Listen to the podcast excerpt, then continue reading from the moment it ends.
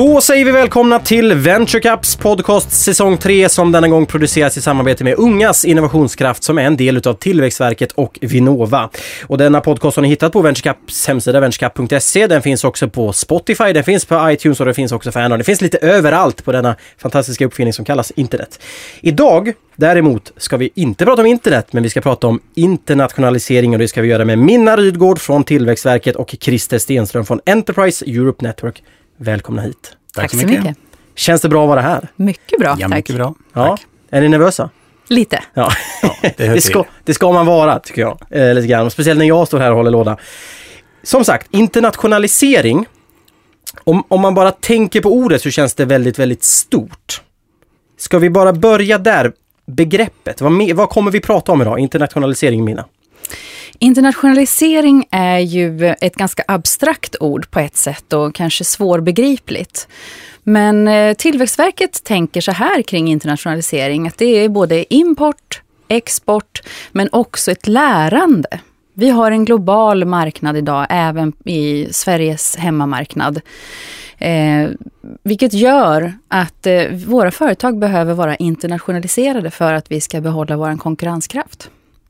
Så Därför så ser vi på det på ett brett perspektiv, både import, export och ett lärande. Hummar du instämmande eller har du en annan bild Christer? Nej, absolut. Jag håller med eh, mina till fullo. För det är det vi sysslar med på Enterprise Europe Network. Att hjälpa företag att internationalisera sig.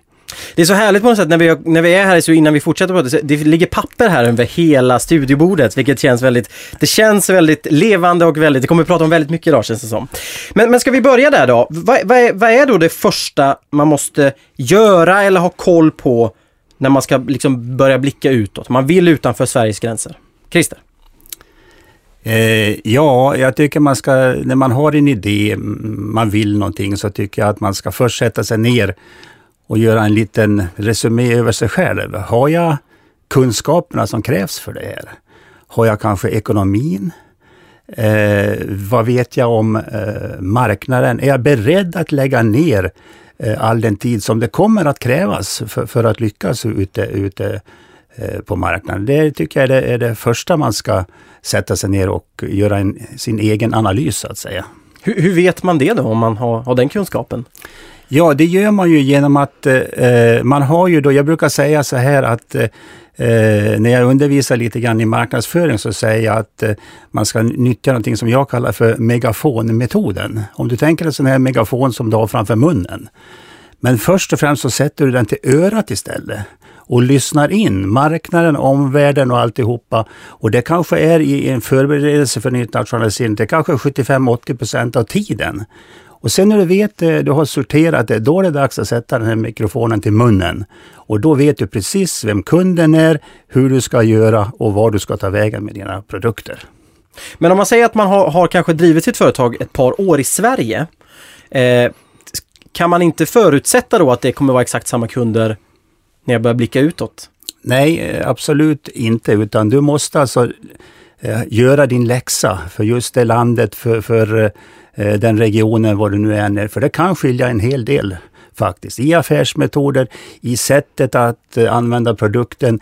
En, en 40-årig kvinna i Sverige idag som, som är målgrupp för en viss produkt kanske är en helt annan åldersklass i ett annat land och så vidare. Det är, man måste vara uppdaterad. Det är otroligt viktigt. Ju mer du vet om kunden, om marknaden, ju större chans har du att lyckas. Så det ligger det stora arbetet inledningsvis tycker jag.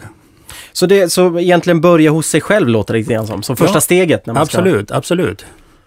Och en marknadsundersökning är inte att fråga mamma, pappa, eh, grannar och så vidare, för de är förmodligen snälla och tycker att det verkar vara en jättebra idé, utan lägg ner tid och kanske även kostnader på att verkligen eh, undersöka marknaden. Och det kan man bland annat eh, utnyttja oss med våra 600 kontor runt om i hela världen i över 54 länder. Så vi är ju, eh, säger någon, världens största affärsnätverk.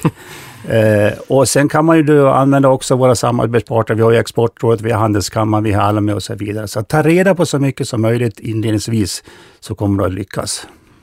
Så det är steg ett då kan man säga. Är, är det en skillnad på om man, om man eh, fortfarande vill hålla verksamhet i Sverige men kanske ta in varor utom, utomlands eller från utlandet än att jag faktiskt vill etablera mig i ett annat land?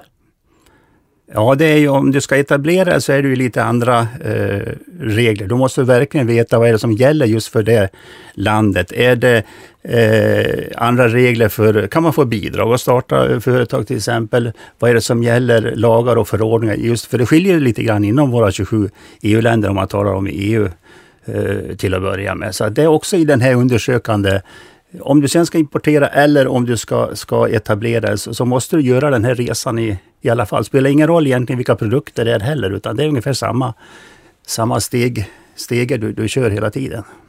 Mina, klarar man sig utan en internationalisering idag, 2013, när, när världen blir mindre och mindre med internet och så vidare? Vi tror ju inte att i förlängningen, kanske ett tag, men inte i förlängningen. I och med att eh, vi har en global marknad, vi har utländska företag som kommer in och eh, konkurrerar hemma. Och eh, då får man se till att hänga med som företag. Jag, jag, jag tror ärligt talat att man måste internationaliseras på något sätt. Och då, då har vi börjat prata om det, hur man ska göra. Man börjar hos sig själv. Vad kommer nästa steg? Vad är nästa steg? Jag har koll på detta nu, jag har koll på kunderna, jag vet hur det funkar. Vad ska jag göra sen?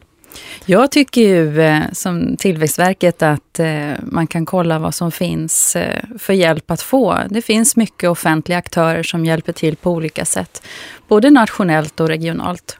Jag kommer ju från eh, Tillväxtverket som är en nationell myndighet. Vi har ju till exempel affärsutvecklingsprogram eh, där det finns två typer av checkar idag.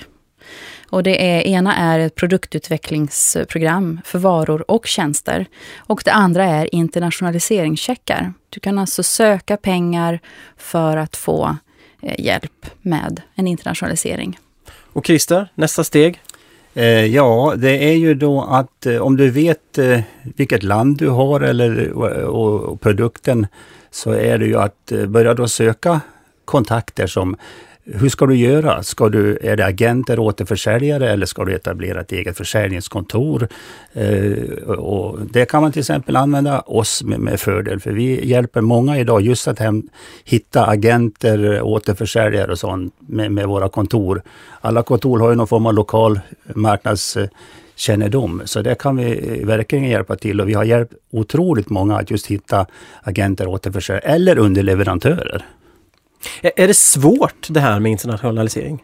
Det låter ju ändå så här nu utanför sin trygghetszon i Sverige, man vet hur det funkar, men är det svårt?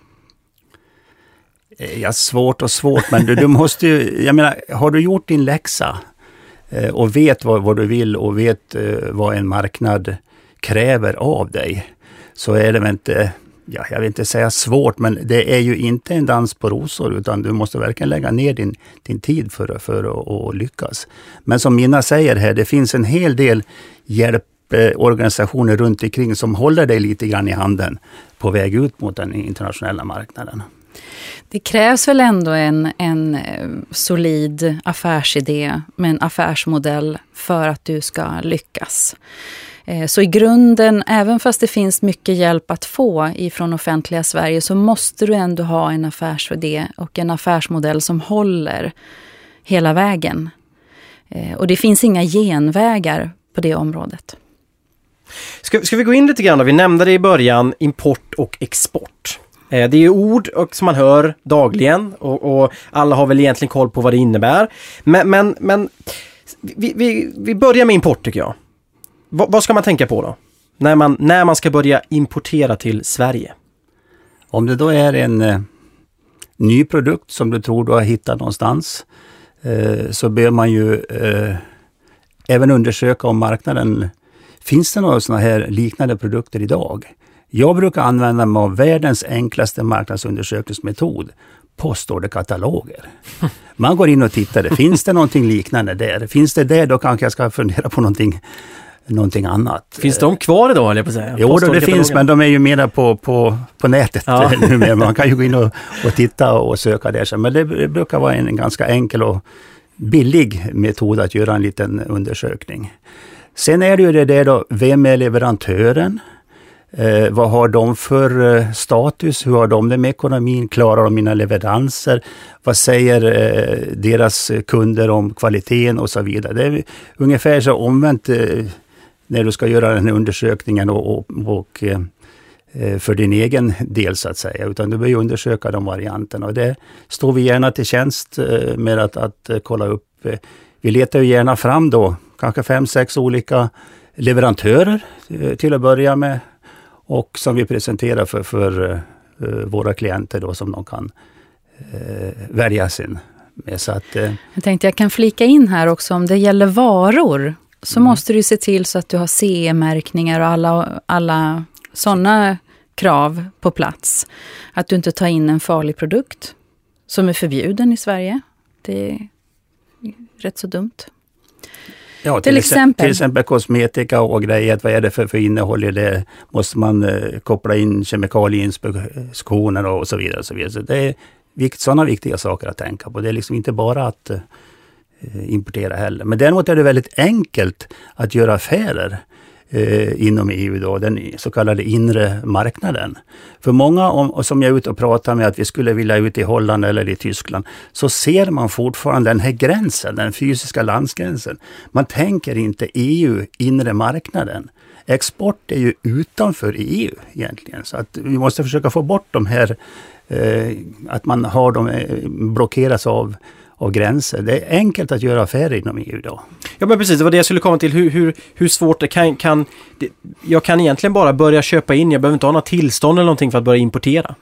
Det beror ju på vad det är för någonting du ska importera. Det, det är som läkarna säger. Ja. det beror ju på. Ja. Eh, som jag sa då, om det är farliga produkter eller om det är eh, förbjudna produkter eller de är producerade på något eh, förbjudet sätt. Och, och, och, då pratar vi om varor. Eh, tjänster finns det säkert någon typ av, eh, av krav på också. Kommerskollegium är ju vår myndighet som eh, sysslar med den typen av frågor. Att det finns kontaktpunkter för varor och tjänster. Där du kan undersöka hur, ja, vad det finns för krav på vilken typ av varor du, du tar in eller tjänster.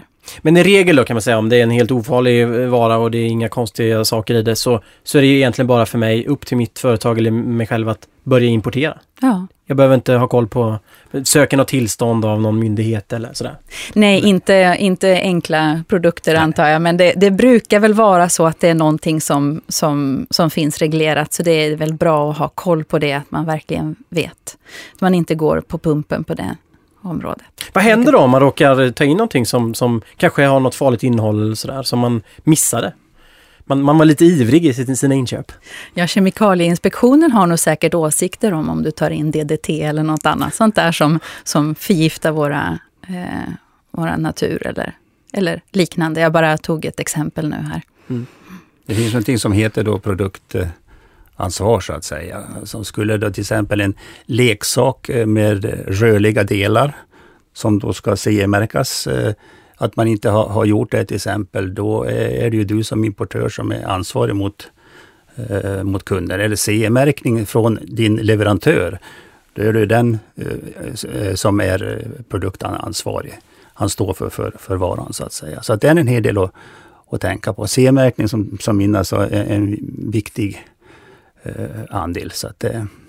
Du nämner den inre marknaden där, mm. eh, men då, då, hoppar du genast över på export. Men jag antar att det är, eller samma eh, inre marknad för import? Absolut, absolut. Mm. Vi ska ha fri handel eh, mm. inom våran nya hemmamarknad, eller våran hemmamarknad som är EU. Eh, inom myndighets-Sverige så pratar vi inte om Sverige som hemmamarknad, utan det är den svenska marknaden. Och EU är våran hemmamarknad. Men Norge ska vara klart för oss. Där är det, det gamla sättet att hantera med tullhandlingar och grejer. Så att det är inte lika enkelt som den inre marknaden, utan där ska du fortfarande anmäla proforma fakturor med mera, med mera. Samma gamla hantering som, som vi hade med, med EU eh, eller Europa tidigare. Ja precis, du sa det just där, för jag har stått här nu, men hallå, det är en inre marknad, men det måste ju finnas någon form av tull här. Det måste ju även med Kina och även då som du säger med, du pratar om att, med, att Norge är så fortfarande som Norge inte är något EU-land. Men det måste ju finnas en tull, eller? Det bara skriker inom mig nu, fråga om tullen. Jo, det, absolut så finns det det och, och vissa har ju, kan finnas importrestriktioner. Eh, jag, vet, jag kommer inte ihåg nu om det fortfarande är kvar eh, kvotering av textilier och sånt från, eh, från Kina. Det finns ju, alla varor är ju listade enligt NACI-koder som det heter. Och på, på vissa sådana kan det finnas då tullsatser, 6% 10% 12 vad det är. Så det ska man också gå in och titta om du vill importera till exempel från Kina. Var hamnar min eh, vara någonstans? Och det är Tullverket alldeles utmärkt, deras hemsida, man kan gå in och, och leta på det. NACI-koder, heter det så? Ja. Det får man, ha, får man lägga på minnet. NACI-koden. och finns på Tullverkets hemsida. Jajamän, jajamän. Ja, men detta gäller då utanför EU. Har jag ja, förstått precis. det rätt? Ja. Inom EU så ska det ju vara frihandel och, det, ja. och är det så att du får problem med handel med, med EU, något EU-land, så, så föreslår jag att du tar kontakt med Kommerskollegium och deras Solvit. Ja, för precis, du sa ju ska inte vara några problem. Men... Nej, precis. Men det är klart att det finns, eh, det finns ju gamla regler kvar ifrån tidigare. Vi var ju enskilda, vi är fortfarande enskilda stater så, men, men eh, var ju mera enskilda stater och, och, och förr innan EU så var det internationell handel. När man handlade med Tyskland eller med men nu är det inre marknaden då. Och då ska det vara frihandel. Men som sagt var, Solvit och Kommerskollegium om du får problem.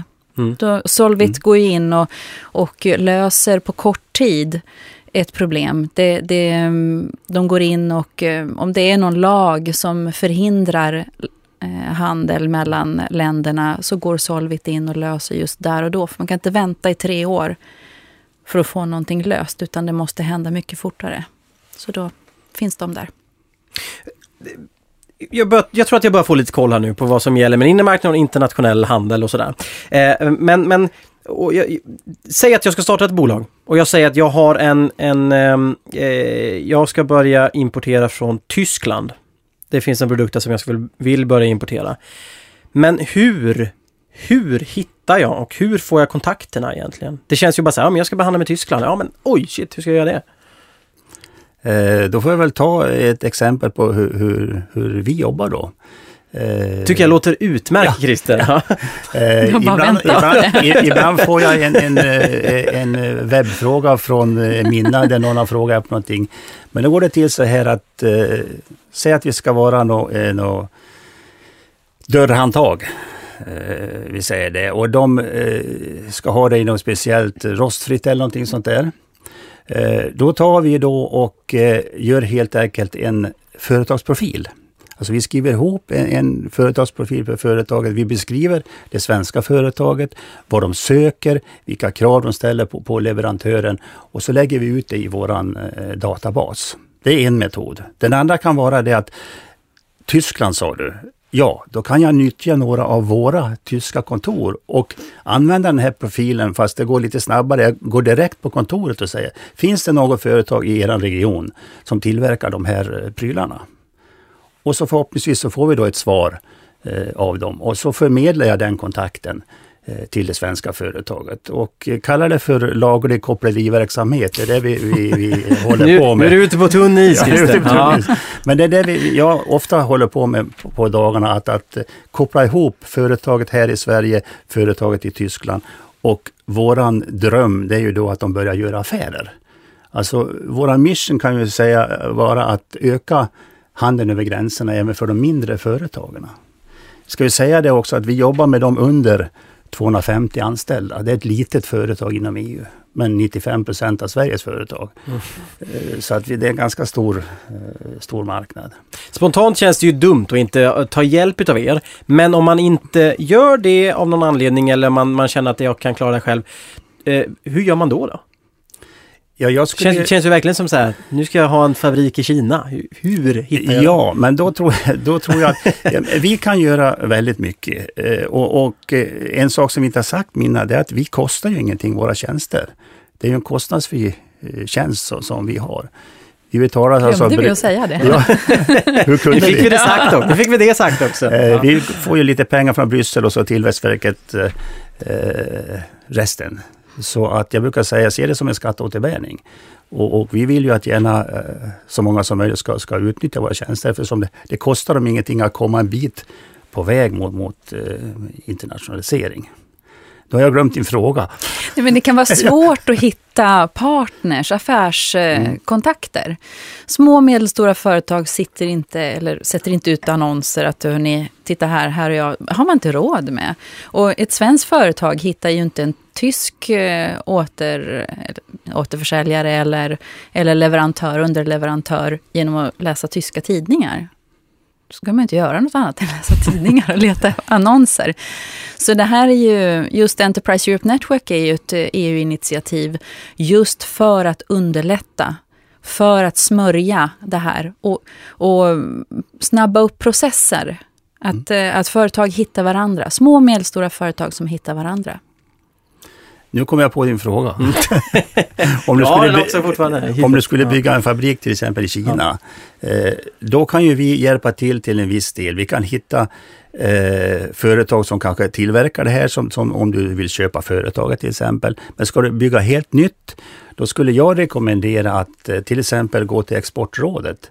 Det som, heter Business Sweden, ursäkta. Jag, ja, förlåt. Eh, ja, de bra. har bytt namn. Det, det sitter ju så, så, Tur att ni är två här. Ja. Ja. Business Sweden, ja. eh, som då har kontor där ute och kan jobba lite mer djuplodande, lite djupare, hitta eh, marker, hitta eh, kontakter för, för att eh, bygga den här fabriken. Så att eh, kombinationen av oss och till exempel Exportrådet i det här fallet skulle vara alldeles utmärkt. Eller Business Sweden.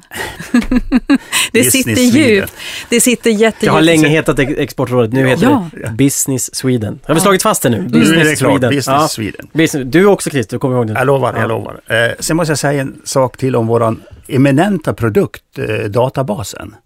Eh, just idag så finns det ungefär 17 000 konkreta affärer som söker en mottagare där. Och lite drygt 7 000 av dem har Sverige som så kallad target country.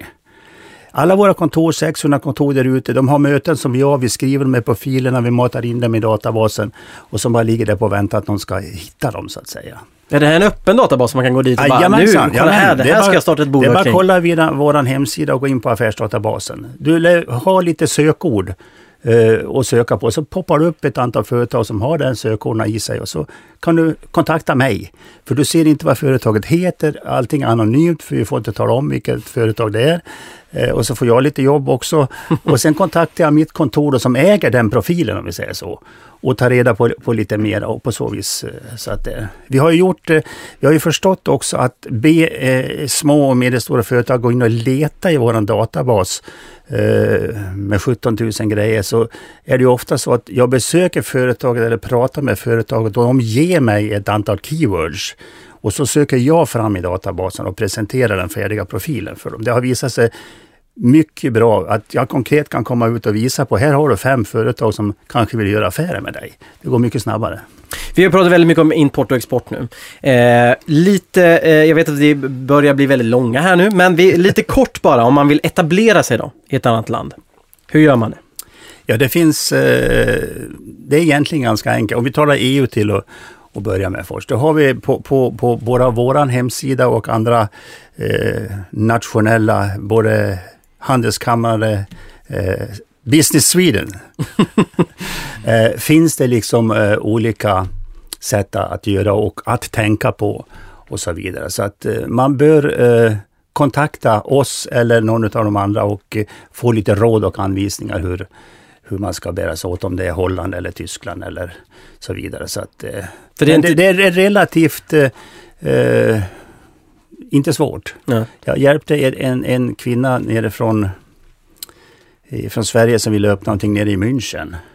Och det kunde jag göra tack vare att jag bara använde våran hemsida och Exportrådets hemsida och så fick hon de uppgifter hon behövde. Och det var väldigt billigt, billigt att registrera den här typen av företag. Det kostar bara 20 euro eh, att eh, registrera ett företag där nere. Naturligtvis finns det ju regler för hur du gör när du startar företag i ett annat land. Och vi på Enterprise Europe Network har ju en etableringsguide där vi har Precis. kort information om olika länders eh, krav.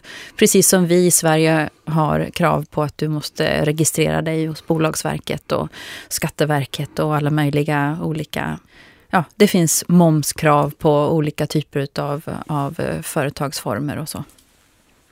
Ska vi avsluta nu då det här eh, programmet som varit väldigt, väldigt trevligt med, eh, jag tänker att, att det känns, ni säger att det är ganska lätt och sådär, det låter ändå som att man, man kan få koll på det här ganska snabbt och man kan få mycket hjälp och sådär. Men ska vi avsluta med tre tips till de som ändå står i tankarna att jag vill ut på en internationell marknad eller jag vill, ägna mig åt import eller export. Ska vi börja med Minna?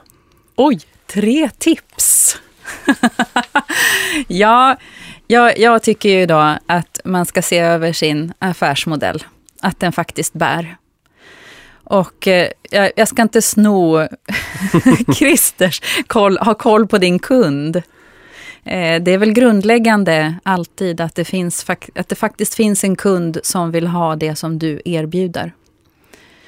Och så tre. Och så tre. Det får inte vara fyra och det får inte vara två, utan det ska vara tre. Den heliga treenigheten. Och jag kan inte komma på någon tredje bara för det. Det bara köra? Bara kör, bara kör. Christer. Får jag ta en grej innan ja. som, som just eh, eh, appellerar lite till, till de yngre. En, en, faktiskt en fantastiskt erbjudande som vi har eh, som eh, vänder sig till nya företagare det är eh, de som har bestämt sig eller nybliven företagare, du är ung eh, och du vill internationalisera dig.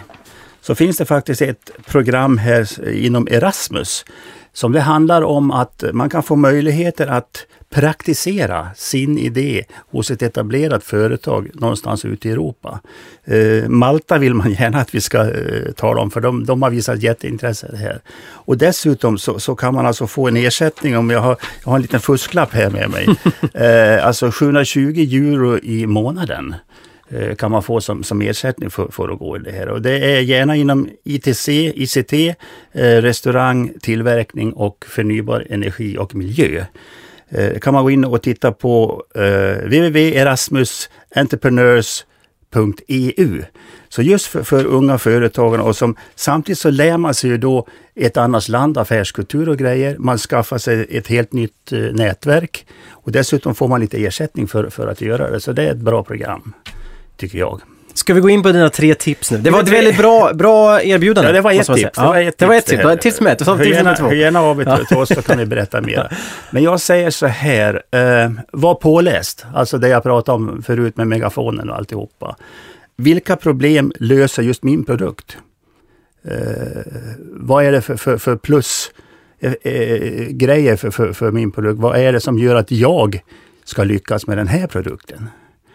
Och sen är det det eh, tredje att eh, hemsida på engelska till att börja med.